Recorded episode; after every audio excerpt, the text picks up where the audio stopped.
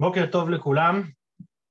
אנחנו נמצאים בשיעור טניה, פרק כ"ט, היום אנחנו לומדים שיעור כפול של אתמול ושל היום, אה, ונסיים בעזרת השם את פרק כ"ט. פרק כ"ט בטניה מדבר על הבעיה שיכולה להיות לבן אדם, בין אם הוא בינוני בין אם הוא לא, בעיה שנקראת טמטום הלב.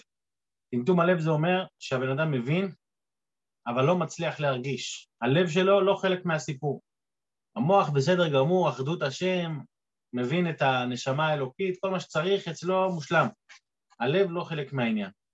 וכשהלב לא חלק מהעניין, אז צריך דבר ראשון, לשבור את הלב.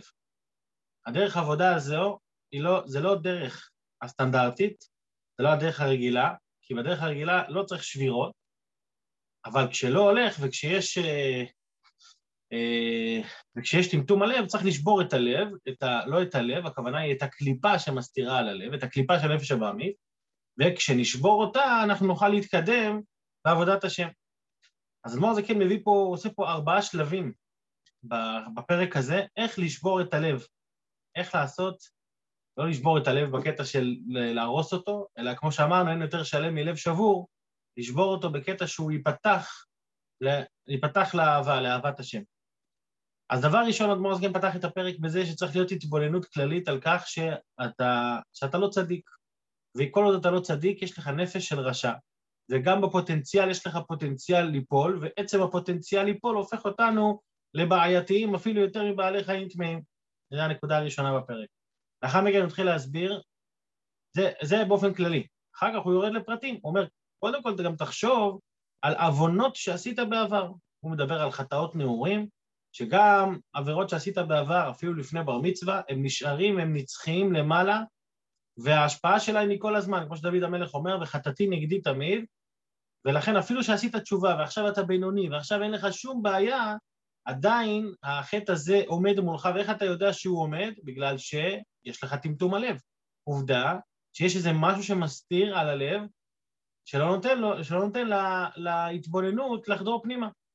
אז כשאתה מתבונן בזה, הלב שלך נהיה נשבר, אתה אומר, סליחה, מה זה, מה, מה קורה איתי? זה אמור לעורר אותך. אז יבוא בן אדם ויגיד, שמע, לי אין באמת אה, חטאות נעורים, אין לי שום הבנות, אני מושלם. אז מור הזקן מגיע לשלב השלישי ואומר, גם מי שאין לו עוונות להתחרט עליהן, גם הוא צריך להתבונן בכך שהוא לא תמיד מצליח להגיע לרמה שכל מה שהוא עושה זה עבודת השם. לכן, ולכן הלב שלו אטום, בגלל שיש לפעמים שיש לך אפשרות לזכך את עצמך יותר ואתה לא עושה, יש לך אפשרות מה שנקרא תאוות היתר, שזה מותר, אבל לא מתאים. אז תעבוד על מה שלא מתאים, ואם היית עובד על מה שלא מתאים, לא היה לך טמטום הלב. כשאדם מתבונן בזה, הוא אומר, וואי, אני לא שווה כלום, וזה ישבור אותו. יתרה מזה אומר אדמו"ר הזקן באותו חלק, שגם החלומות של האדם, שמזה סיימנו גם פעם הקודמת, שגם החלומות של האדם שהם כביכול סתמיים, אז כשתתבונן בזה תבין שלמה יש לך חלומות סתמיים בגלל שאתה לא שווה כלום, בגלל שאתה מונח, ומה אתה מונח? אתה מונח בשטויות, ואם אתה מונח בשטויות, גם החלומות שלך מבטאים את זה, גם הדברים האינסטינקטיביים שלנו מבטאים את מי שאנחנו באמת. אז אלה שלושת החלקים בינתיים, עד כאן, ההתבוננות הכללית, התבוננות בחטאים והתבוננות בעצם המהות שלי, מי אני, למרות שאני בסדר גמור, אבל מי אני תכלס? והחלק הרביעי, זה החלק שנלמד היום, זה מה, מה לעשות בפועל כשכל הדברים האלה לא עוזרים, גם ההתבוננות הראשונה, השנייה והשלישית לא עוזרים, זה הזמן להפעיל את האש תותחים הכי כבדה, לצעוק פשוט על הנפש הבעמית. איך לצעוק? לצעוק בקולי קולות, לצאת למרפסת ולצרוח? ברור שלא. בשביל זה יש לנו את ספר התניא שמדריך אותנו איך לעשות גם את הצעקה הזאת. אני אשתף מסך ונצא לדרך. רק רגע, הנה. נגדיל טיפה. לא יותר מדי. אוקיי, ככה. והנה, כל מה שיעריך בעניינים אלו במחשבתו, וגם בעיונו בספרים, זאת אומרת, האדם צריך להשקיע על ההתבוננות, במחשבה, תחשוב על זה. לא מספיק לדעת את זה, צריך לחשוב על זה, יעריך במחשבתו. זה המושג שנקרא התבוננות. כמו שאדמור זקי גם ירחיב במושג הזה של התבוננות, הוא ירחיב בזה גם בהמשך. בפרקים המאוחרים יותר, בפרק מ' והלאה. אבל פה הוא אומר את זה גם, שהדברים האלה לא מספיק רק שאתה יודע את זה. טוב, אני יודע שאני לא שווה כלום, לא, אתה צריך להתבונן בזה. בשביל לשבור את הלב, מתי שיש לך את הטמטום הלב הזה. וגם בעיונו בספרים, זאת אומרת, אחרי שעיינת בספרים אתה גם חושב על זה, אתה לא מסתפק בלימוד בספרים. להיות ליבו נשבר בקרבו, בקרבו, ונבזה בעיניו נמאס, ככתוב, כמו שקראנו כבר, בתכלית המיאוס, מרגיש כבר ממש שהוא שום דבר, ולמאס חייו ממש, הרי בזה ממאס ומבזה הסיטרא אחרא, הצד האחר, ומשפילה לעפר, ומורידה מגדולתה וגסות רוחה וגבהותה, שמגביהה את עצמה על אור קדושת נפש האלוקית להחשיך אורה. זאת אומרת, מה המטרה של נפש הבעמית? היא להחשיך את האור של הנפש האלוקית, להחשיך את האור על הקדושה של הנפש האלוקית. מה זה חושך? חושך זה לא מציאות. חושך זה רק שלא יהיה אור. זאת אומרת, אם אתה שואל את החושך, מה המטרה שלך? כשאתה מדבר עם האור, אז האור אומר, אני רוצה להעיר, אני רוצה שייהנו מהעולם. לחושך אין מטרה, המטרה שלו זה רק לאור. אם היה בחירות, אז היה בחירות לאור, והיה בחירות לרק לאור. זה החושך. החושך אומר זה, וזו המטרה של נפש הבעמית. היא לא מחפשת אידיאולוגיה, היא מחפשת רק להחשיך את האור של נפש האלוקית. וגם, אז, אז אחרי שהוא מתבונן בכל זה, והוא עדיין מרגיש שהנפש הבעמית מחשיכה עליו, אז מגיע השלב הרביעי, וגם ירעים עליה בקול רעש ורוגז, להשפילה.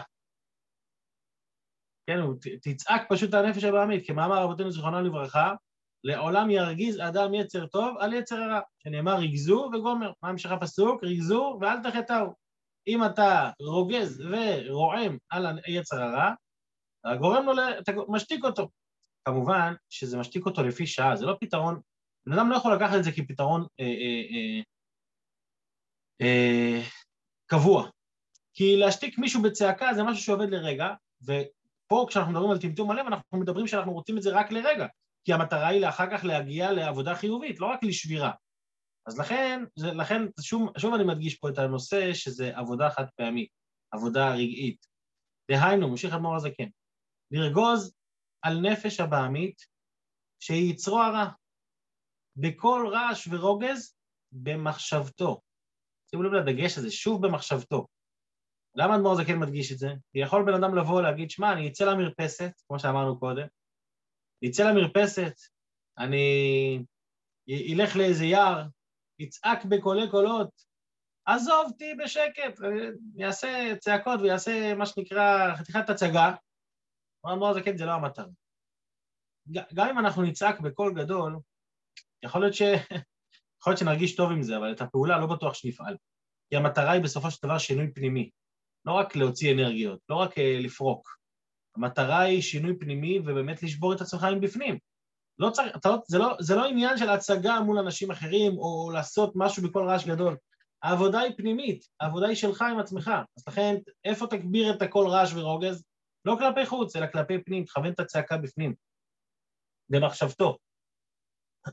לומר לו, לבן אדם, לומר לו לבן אדם, לבהמה שבתוכו, לנפש שבעמית, פשוט להגיד לו, פה אדמו"ר זקן עושה לנו דמיון מודרך ממש, מה להגיד לו? תן לו בראש, אבל תגיד לו את זה במילים מפורשות בתוך המחשבה. אתה רע, רשע, משוקץ, ומתועב, ומנוול וכולי. אדמו"ר זקן נותן פה חמש דוגמאות, והוא ממשיך וכולי, ככל השמות שקראו לו חכמינו זיכרונה לברכה. כן, זאת אומרת, אני נותן לך פה רק דוגמאות איך לצעוק עליו. תצעק עליו, אתה רע, אתה רשע, אתה משוקץ, מתועב, מנוול. אתה שום דבר, אבל כל אחד יכול להוסיף גם, גם מהשמות שקראו לו חכמינו זיכרונה לברכה, גם מהשמות ש... גם, גם משמות שעולים לו לראש, העיקר זה השבירה, לפעול את השבירה נפש הבעמית. פשוט כי לפעמים, אם לא צועקים עליו, הוא לא עומד במקום. שזה אגב, העניין הזה של צעקה, טוב, תכף אנחנו נראה את זה גם בפנים, אבל העניין הזה של צעקה, זה באמת עניין של להעמיד במקום. לפעמים אנחנו צריכים להעמיד מישהו במקום, ואתה מנסה להסביר לו, מנסה לשכנע אותו, מנסה לתת לו צ'ופרים, אבל לפעמים רק הצעקה מזיזה את הבן אדם. אתה אומר, עצור, אה, אז פתאום הוא, הוא מרגיש שהוא חייב לעצור. למה? כי הגעת לאיזושהי נקודת קצה. תכף נראה גם דוגמה שהאדמו"ר הזה כן מביא עם המרגלים. וכשנביא את זה שם אני, אני אביא עוד, עוד דוגמה. ככל השמות שקראו לו חכמינו זיכרונה לברכה, באמת. זאת אומרת, מה זאת אומרת באמת? תצעק עליו באמת. שמע, אתה רע באמת. אתה רשע באמת. כאילו, אם אנחנו נסתכל אובייקטיבית, תגיד לו. אובייקטיבית אתה רשע סתם, אתה, סת... אתה באמת רשע, אתה באמת מנסה. למה חשוב פה הבאמת? כי לפעמים אנחנו, אנחנו אוהבים ללמד זכות, ואם תשימו לב, במהלך הפרקים באמת לימדנו זכות. איך לימדנו זכות? תראה, הנפש הבעמית לא מתכוונת לרע. בסך הכל, זה בסך הכל שליח של הקדוש ברוך הוא לנסות אותך, אבל היא בעצמה לא רע. אמרנו את זה גם בפרק ט' וגם ב, גם בפרק אה, א', שהנפש הבאמית היא ניטרלית. אבל פה אומר אדמו"ר הזה, כן, לא, לא, תצעק עליו, אתה רשע באמת. למה אתה רשע באמת? כי יש לך פוטנציאל הרבה יותר גרוע מחיות מאוד. זאת אומרת, באמת אתה, אתה קליפה. זה לא שיש מה ללמד עליך זכות עכשיו. לא מחפשים את הלימוד זכות. את הלימוד זכות נשאיר כשהלב הוא חלק מהעניין, כי אנחנו בסדר. אז נגיד, הנפש הבעמית, לרתום אותה, אבל כשהנפש הבעמית מעלימה על האור של הקדושה ולא נותנת לי להתקרב ועוצרת אותי מ- מלהתקדם בחיים, פה אני לא מלמד עליה זכות. פה אני אומר לה, אני אומר, אתה רע, רשע, משוקץ, ככל השמות אשר קראו לו חזן. והדבר הזה הוא באמת. והוא ממשיך את. האדמו"ר הזה כן ממשיך את, ה, את הצעקה, מה לצעוק? עד מתי תסתיר לפניי אור אינסוף ברוך הוא, הממלא כל עלמין, היה הווה ויהיה בשווה, גם במקום זה שאני עליו, זאת אומרת, פה הוא מחזיר אותנו קצת לפרק כ' וכ"א, שהקדוש ברוך הוא נמצא בכל מקום והוא, והוא מחיה את העולם בכל רגע מחדש, ואתה, הנפש הבעמית, כל התפקיד שלך זה רק להעלים לי על האור, להחשיך את האור הזה. מי אתה בכלל? וגם במקום זה שאני עליו, האלוקות נמצאת כמו שהיה אור אינסוף ברוך הוא לבדו קודם שנברא העולם, בלי שום שינוי. כמו שכתוב, אני השם לא שניתי. שוב, כמו שאמרנו בפרק כ', כי הוא, הקדוש ברוך הוא, למעלה מהזמן. ואתה, אתה הנפש הבעמית, העצר הרע, מנוול וכולי, מכחיש האמת הנראה לעיניים. הרי אם אנחנו נתבונן ב... גם בעיניים, עיני השכל, שנתבונן טוב, אנחנו, אנחנו רואים שזו האמת, שהקדוש ברוך הוא מהווה ומחיה כל רגע את המציאות, ודכולה קמי כלא חשיב, כל המציאות, כלא ממש, סליחה, כל המציאות היא, היא לא מציאות בכלל, אין עוד מלבדו, לא רק אין עוד מלבדו, אלא אין עוד בכלל מציאות, וזה באמת מבחינת ראייה חושית. ראייה חושית הכוונה כמובן לראיית עיני השכל. אבל אני רואה את זה על ידי שאני מתבונן בעולם, ואני רואה איך שהוא מחיה בכל רגע מחדש את העולם. אם הוא היה ברגע אחד מעלים את, ה, את הדבר השם שמחיה את העולמות, אז העולם היה עין ואפס. אז, אז זה מה שתצעק הנפש הבעמית, הרי, הרי אני יודע את האמת. הרי למה אנחנו נופלים? אנחנו לא נופלים כי אנחנו חושבים שה, שהשקר הופך לאמת. אנחנו נופלים כי אנחנו עכשיו לא רואים את האמת, לא מרגישים את האמת. וזה כל המטרה של נפש הבעמית. לא, היא לא מנסה לשכנע אותנו ש, שהאמת בצד השני, מה פתאום? תאמין, אתה, אתה, הכל בסדר, הקדוש ברוך הוא ממלא כל עלמין, סובב, הכל בסדר. אבל עכשיו תעשה מה שבא לך. אז פה, כשאתה, כשאתה רואה שאתה כבר עומד בנקודת הקצה ואתה לא מצליח להילחם, אז תגיד לו, הלו, הרי זה האמת. הרי אני, אני, כבר, אני כבר שבועות שלמים לומד ו, ו, וחי את הנקודה הזאת, ואתה רק מנסה להכשיר אותי. אין לך שום מציאות אמיתית. המציאות האמיתית שלך היא להיות רע, להיות חושך.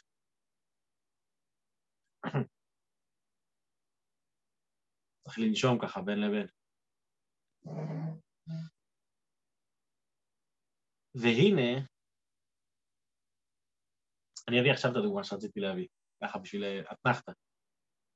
יש סיפור על רבי אלעזר, הבן של רבי שמעון בר יוחאי, שפעם אה, חזר מבית המדרש, באמצע הדרך הוא רואה בן אדם, בן אדם שהוא, בוא נגיד ככה, לא היה יפה במיוחד.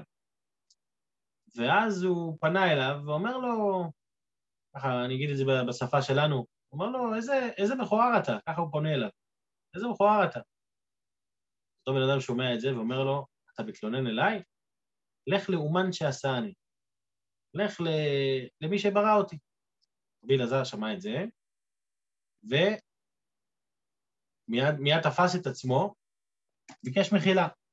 לא רצה למחול לו, בקיצור, היה שם סיפור שלם, אחר כך הוא, הוא, הוא המשיך איתו בדרך, הם הגיעו לבית המדרש וכולם קיבלו את אה, רבי אלעזר בכבוד גדול, אז הבן אדם הזה שאל אותם מי זה, מי זה, מי זה היהודי הזה, אז אמרו לו, הוא הרב, רבי אלעזר. אז הוא אמר להם, אה, זה רבכם, הוא לא ראוי להיות רב, כאילו ממש... אה, והיה שם מאמצים רבים שרבי אלעזר עשה בשביל לפייס אותו. בכל אופן, מה הנקודה? הרבי מספר את הסיפור הזה, והרבי אומר, למ, איך יכול להיות שהוא באמת אמר לו איזה מכוער אתה? ומה מה, מה הוא ניסה להשיג פה? התשובה שהרבי אומר שברור לו שהוא לא התכוון רק למכוער באופן גשמי, אלא כשיש חיור גשמי זה מורה גם על איזשהו, איזשהו חיור רוחני. ורבי אלעזר פנה אליו על, ה, על המצב הרוחני שלו, שה, שהאלוקות...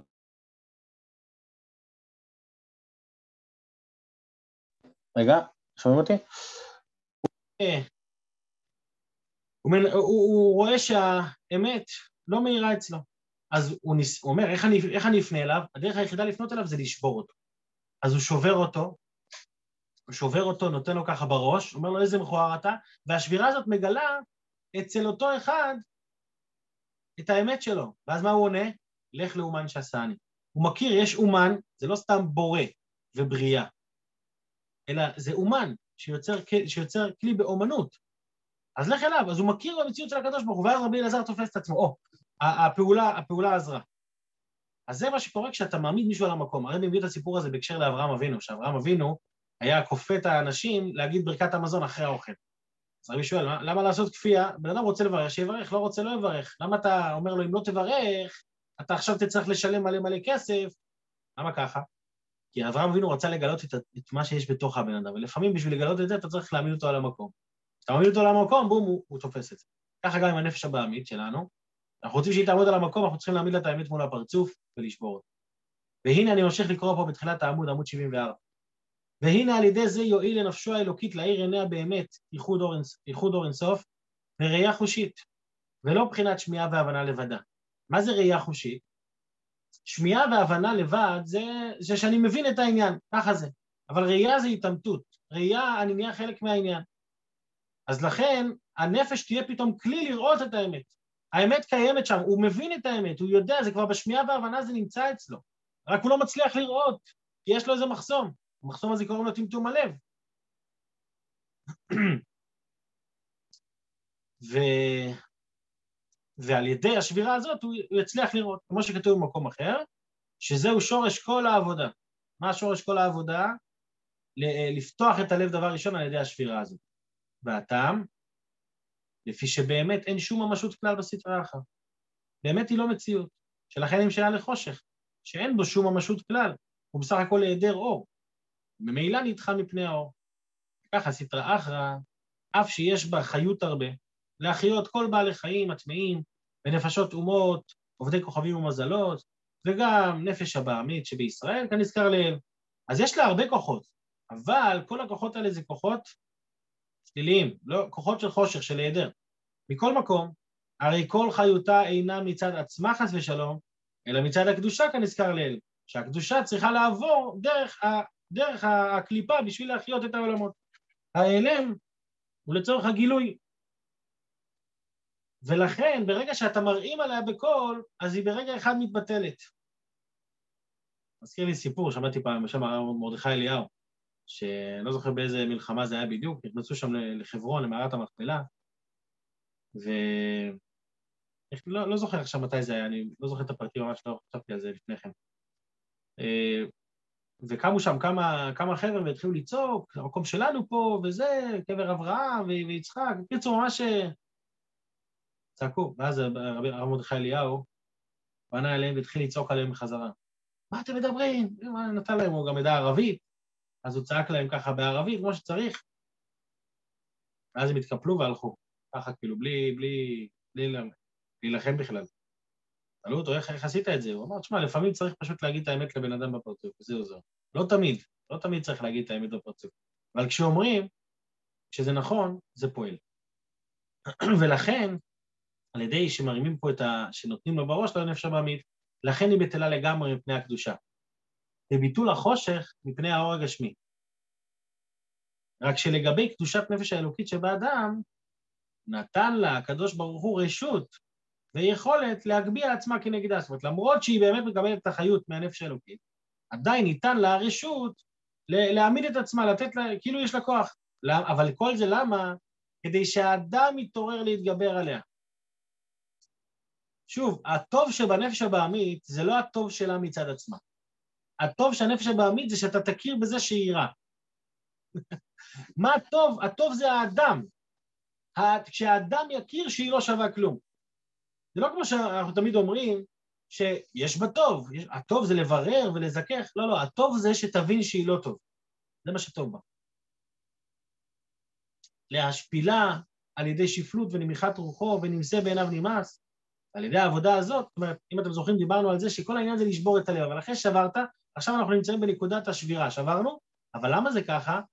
כדי שתוכל, שתוכל תוכל לעבוד את השם. זאת אחרי שברת, תמשיך הלאה, אל, אל, אל תתמקד רק בשבירה. זה לא המטרה שלך כל היום לשבור לשבור. המטרה שלך זה להראות לה שהיא לא שווה שום דבר, כדי שתצליח לעבוד ולהתקדם. ובהתערותא דלתתא התערותא דלילה, על ידי התערות מלמטה תהיה גם התעוררות מלמעלה של הקדוש ברוך הוא, לקיים מה שכתוב, משם, משם הורידך נאום השם. דהיינו, שמסירה מממשלתה ויכולתה, כן, זאת אומרת, כשהקדוש ברוך הוא מגביה מישהו, אז הוא אומר לו, משם, משם אני גם יוריד אותך. הוא מגביה את הנפש הבעמית ואומר לה, אני גם מוריד אותך. הוא מסלק ממנה את הכוח והרשות שנתן לה להגביה עצמה נגד אור קדושת נפש אלוקית. ואז מה קורה במילא? ואזי ממילא בטלה ונדחית כביטול החושך מפני האור הגשמי. כאן הרבי מביא את הדוגמה, אדמו"ר הזקן מביא את הדוגמה, אני הבאתי קודם שתי דוגמאות, אבל פה זו הדוגמה של אדמו"ר הזקן, וכמו שמצינו דבר זה מפורש בתורה, לגבי מרגלים. שמתחילה אמרו, כששלחו אותם לעלות, לבדוק את הארץ, הם חזרו, ומה הם אומרים? כי חזק הוא ממנו. אל תקרי ממנו, כולי, אלא מה, מהקדוש ברוך הוא, זאת אומרת, הם, הם, הם כפרו עד כדי כך שהקדוש ברוך הוא לא יוכל להעלות אותו, להעלות אותם לארץ ישראל.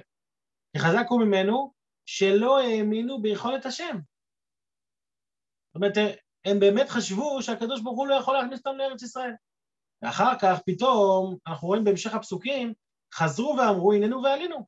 אחרי שיש שם את כל הסיפור שבמדבר הזה יפלו פגריכם, שמשה אומר להם, פתאום הם אומרים, טוב, טוב, אנחנו מתחרטים, נעלה. רגע, מה קרה?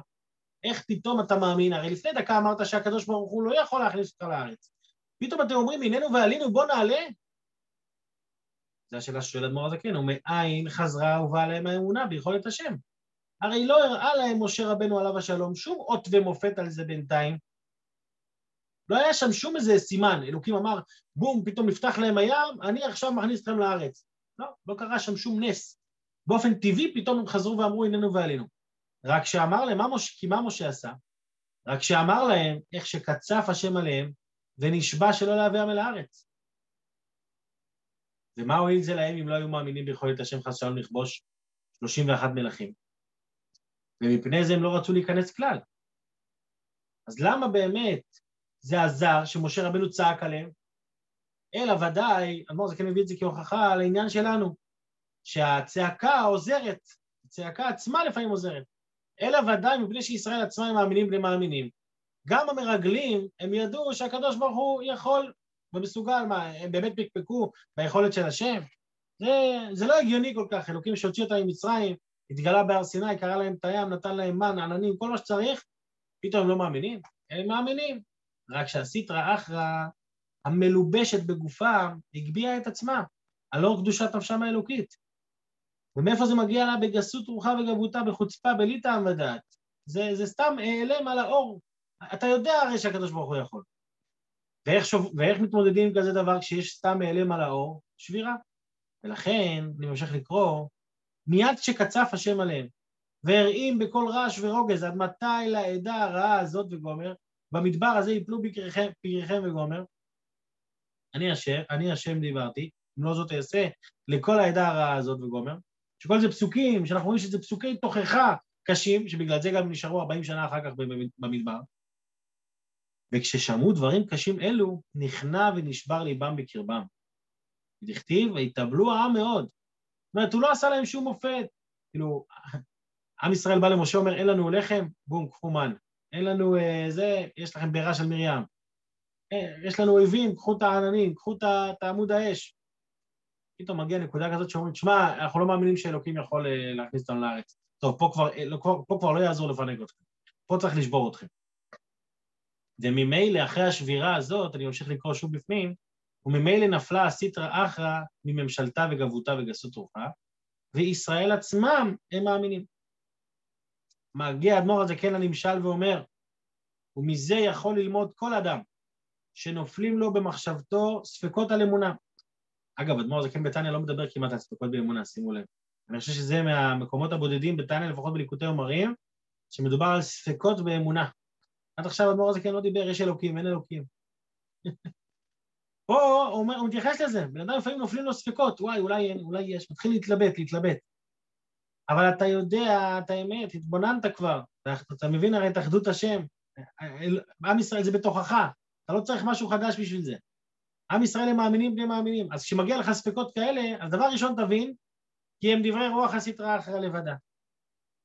המגביה עצמה על נפשו. אבל ישראל עצמה הם מאמינים כולי. וגם הסטרה, מה שיפה פה, שגם הסטרה אחרא עצמה אין לה ספקות כלל באמונה. רק שניתן לה רשות לבלבל את האדם בדברי שקר ומרמה, להרבות שכרו. פעם שלישית שאדמו"ר הזה כן מזכיר את המשל הזה, כי פיתויי הזונה לבן המלך בשקר ומרמה ברשות המלך, כמו שכתוב בזוהר הקדוש. פה אדמו"ר כן במשל מוסיף את השקר ומרמה. למה? כדי להדגיש לנו שנפש הבעמית, מהותה היא שקר ומרמה. זה לא שיש לה איזו אמת פנימית שמסתתרת, וזה שתשמע ושתעמוד בניסיון. לא, היא מבחינתה היא שקר ומרמה. יש לה, ויש לה רשות לפעול בשקר. וההתמודדות וה, עם שקר שבאה מול הפנים, זה התמודדות רק בשבירה, לא, ב, לא בהתמודדות, לא להתחיל בהתמודדות שכלית. כי הרי תכלס, כל הספקות שמגיעות לאדם באמונה, הם בסך הכל נועדו להפיל אותו. אחרי שהוא נפל כבר הספקות נעלמות, לא, לא מטרידות אותו עכשיו. זאת אומרת, המטרה של היצר היא ברורה. כשאנחנו יודעים את המטרה הזאת, אנחנו גם יודעים איך להילחם בה. איך להילחם בה? לא להילחם בה, לשבור אותה. לא לנסות להתמודד איתה שכלית. לשבור. עכשיו אני, עכשיו, זה לא, זה לא המטרה עכשיו. אני רוצה שיהיה שיהיה לי פתיחת הלב. זה צריך אה, לשבור. אז אם נסכם את הפרק, ואני רוצה גם להוסיף, נשאר לי כמה דקות, אז אני רוצה להוסיף כמה דברים. אם נסכם את הפרק, שוב, אנחנו מדברים פה על התמודדות בטמטום הלב. זה משהו שהוא לא, לא, הוא לא יומיומי, לכן אדמו"ר זקן מביא את זה כמאמר מוסגר בפרקים כ"ט ול', והנקודה, אמרנו פה ארבע חלקים בפרק, אמרנו את החלק של ההתבוננות הכללית במהות שלי, אחר כך התבוננות בחטאים, אחר כך התבוננות במי אני, אפילו שאין לי חטאים, מה החלומות שלי ומה הדברים שלי, והנקודה האחרונה זה היה להרעים בכל, בכל רוגז גדול. אני רוצה להוסיף פה אה, לשלמות העניין, היות שאנחנו נמצאים בסוף פרק כ"ט, אני רוצה להוסיף פה ממאמר של הרבי, שהרבי מתייחס גם לנקודה הזאת של טמטום הלב. יש מאמר מאוד יפה שנקרא, לפיכך נקראו הראשונים סופרים, ממש שתי דקות אנחנו ניתן פה סיכומון קטן, שם הרבי מתייחס לטמטום הלב ואומר עוד כמה עצות איך להתמודד עם טמטום הלב. אז העצה הבסיסית זה שבירה, כמו שהעץ שלא שולט בו האש, אז, שוב, אז שוברים אותו, ככה גם בנפש הבעמית. הרבי מדבר על זה מבחינה קצת עממית יותר. הרבי אומר, איך, במה להתבונן כדי לשבור את האדם? להתבונן איך שאני, איך שאני, איך שאני באמת בהמה. לא רק, לא רק הנפש הבעמית שלי, אלא שמה שמעניין אותי ביום-יום זה אכילה ושתייה ושינה וענייני העולם. זה נקודה ראשונה. אני אומר את זה ממש בנקודה, כי זה לא השיעור שלנו, אני רק רוצה להביא את זה כנקודה להרחבה למי שרוצה אחר כך להתבונן בעוד דברים. נקודה שנייה, הרבי אומר, דווקא הפוך, לא לשבור את הנפש, אלא להשקיע בהתבוננות בעניינים נעלים. אפילו שהלב שלי אטום, ככל שאני אתבונן יותר בעניינים נעלים, בסוף הריבוי של האור שאני אכניס למוח שלי ישבור את הקליפה של הלב. והעצה השלישית שהרבי נותן באותו, מאמר, אה, אמירת אותיות התורה, זאת אומרת לחזור דברי תורה בדיבור, לא רק אה, לחשוב דברי תורה, אלא להגיד, ללמוד משניות, ללמוד חסידות, ללמוד אה, תורה, לקרוא חומש.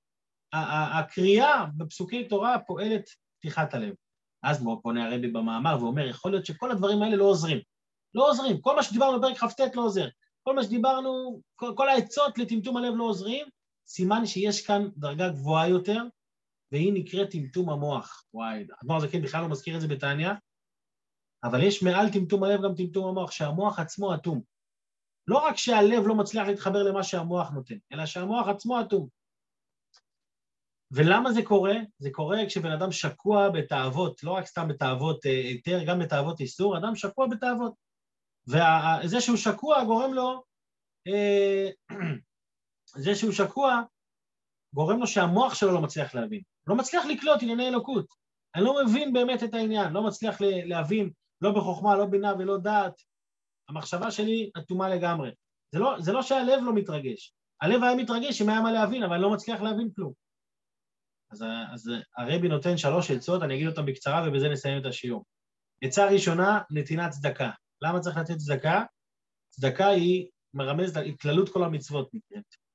עשיית מצוות בפשטות בתמימות, בלי מחשבה, בגלל שהמחשבה לא עובדת, היא יכולה לפתור את בעיית המחשבה. זאת אומרת, קודם דיברנו על דיבור בדברי תורה. זה עוזר לטמטום הלב. אבל לטמטום המוח צריך לעשות. פשוט לעשות, כמו שאלישע אומר שם לאותה אישה, כלים ריקים אל תמעיטי, פשוט תעשי. פשוט לעשות את מה שצריך, בלי מחשבה, בלי להפעיל יותר מדי את, כל המערכת. זה עצה ראשונה. עצה שנייה, זו עצה שהרבי מדבר בעיקר אה, לגברים, זה יש עניין של טבילה במקווה כל בוקר לפני התפילה. אז הטבילה, אותיות הביטול, זאת אומרת לפעול על הביטול שלו, זאת אומרת, זה, זה לא שבירה כמו בפרק כ"ט, אלא זה יותר העניין של ביטול.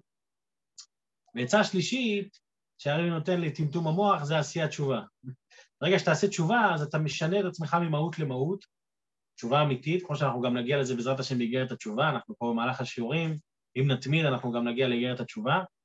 אז תשובה פועלת על האדם שינוי המהות לגמרי, וזה יכול לפעול עליו פתיחת המוחין, לא רק פתיחת הלב, אלא פתיחת המוחין.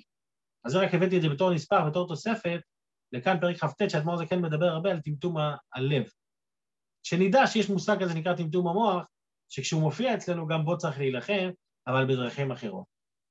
אז נאחל לכולם בסיום השיעור הזה שלא יהיה לנו לא טמטום המוח ולא טמטום הלב, שנעבוד את השם באהבה, ביראה, באמת, וביראה, איך אומר, איך הלשון שם? אה, מנוחת אמת ואמונה. שיהיה לכולנו בעזרת השם, פתיחת הלב תמיד ואהבה תמיד. שיהיה יום טוב, יום מוצלח לכולם, שבוע מוצלח. תודה רבה.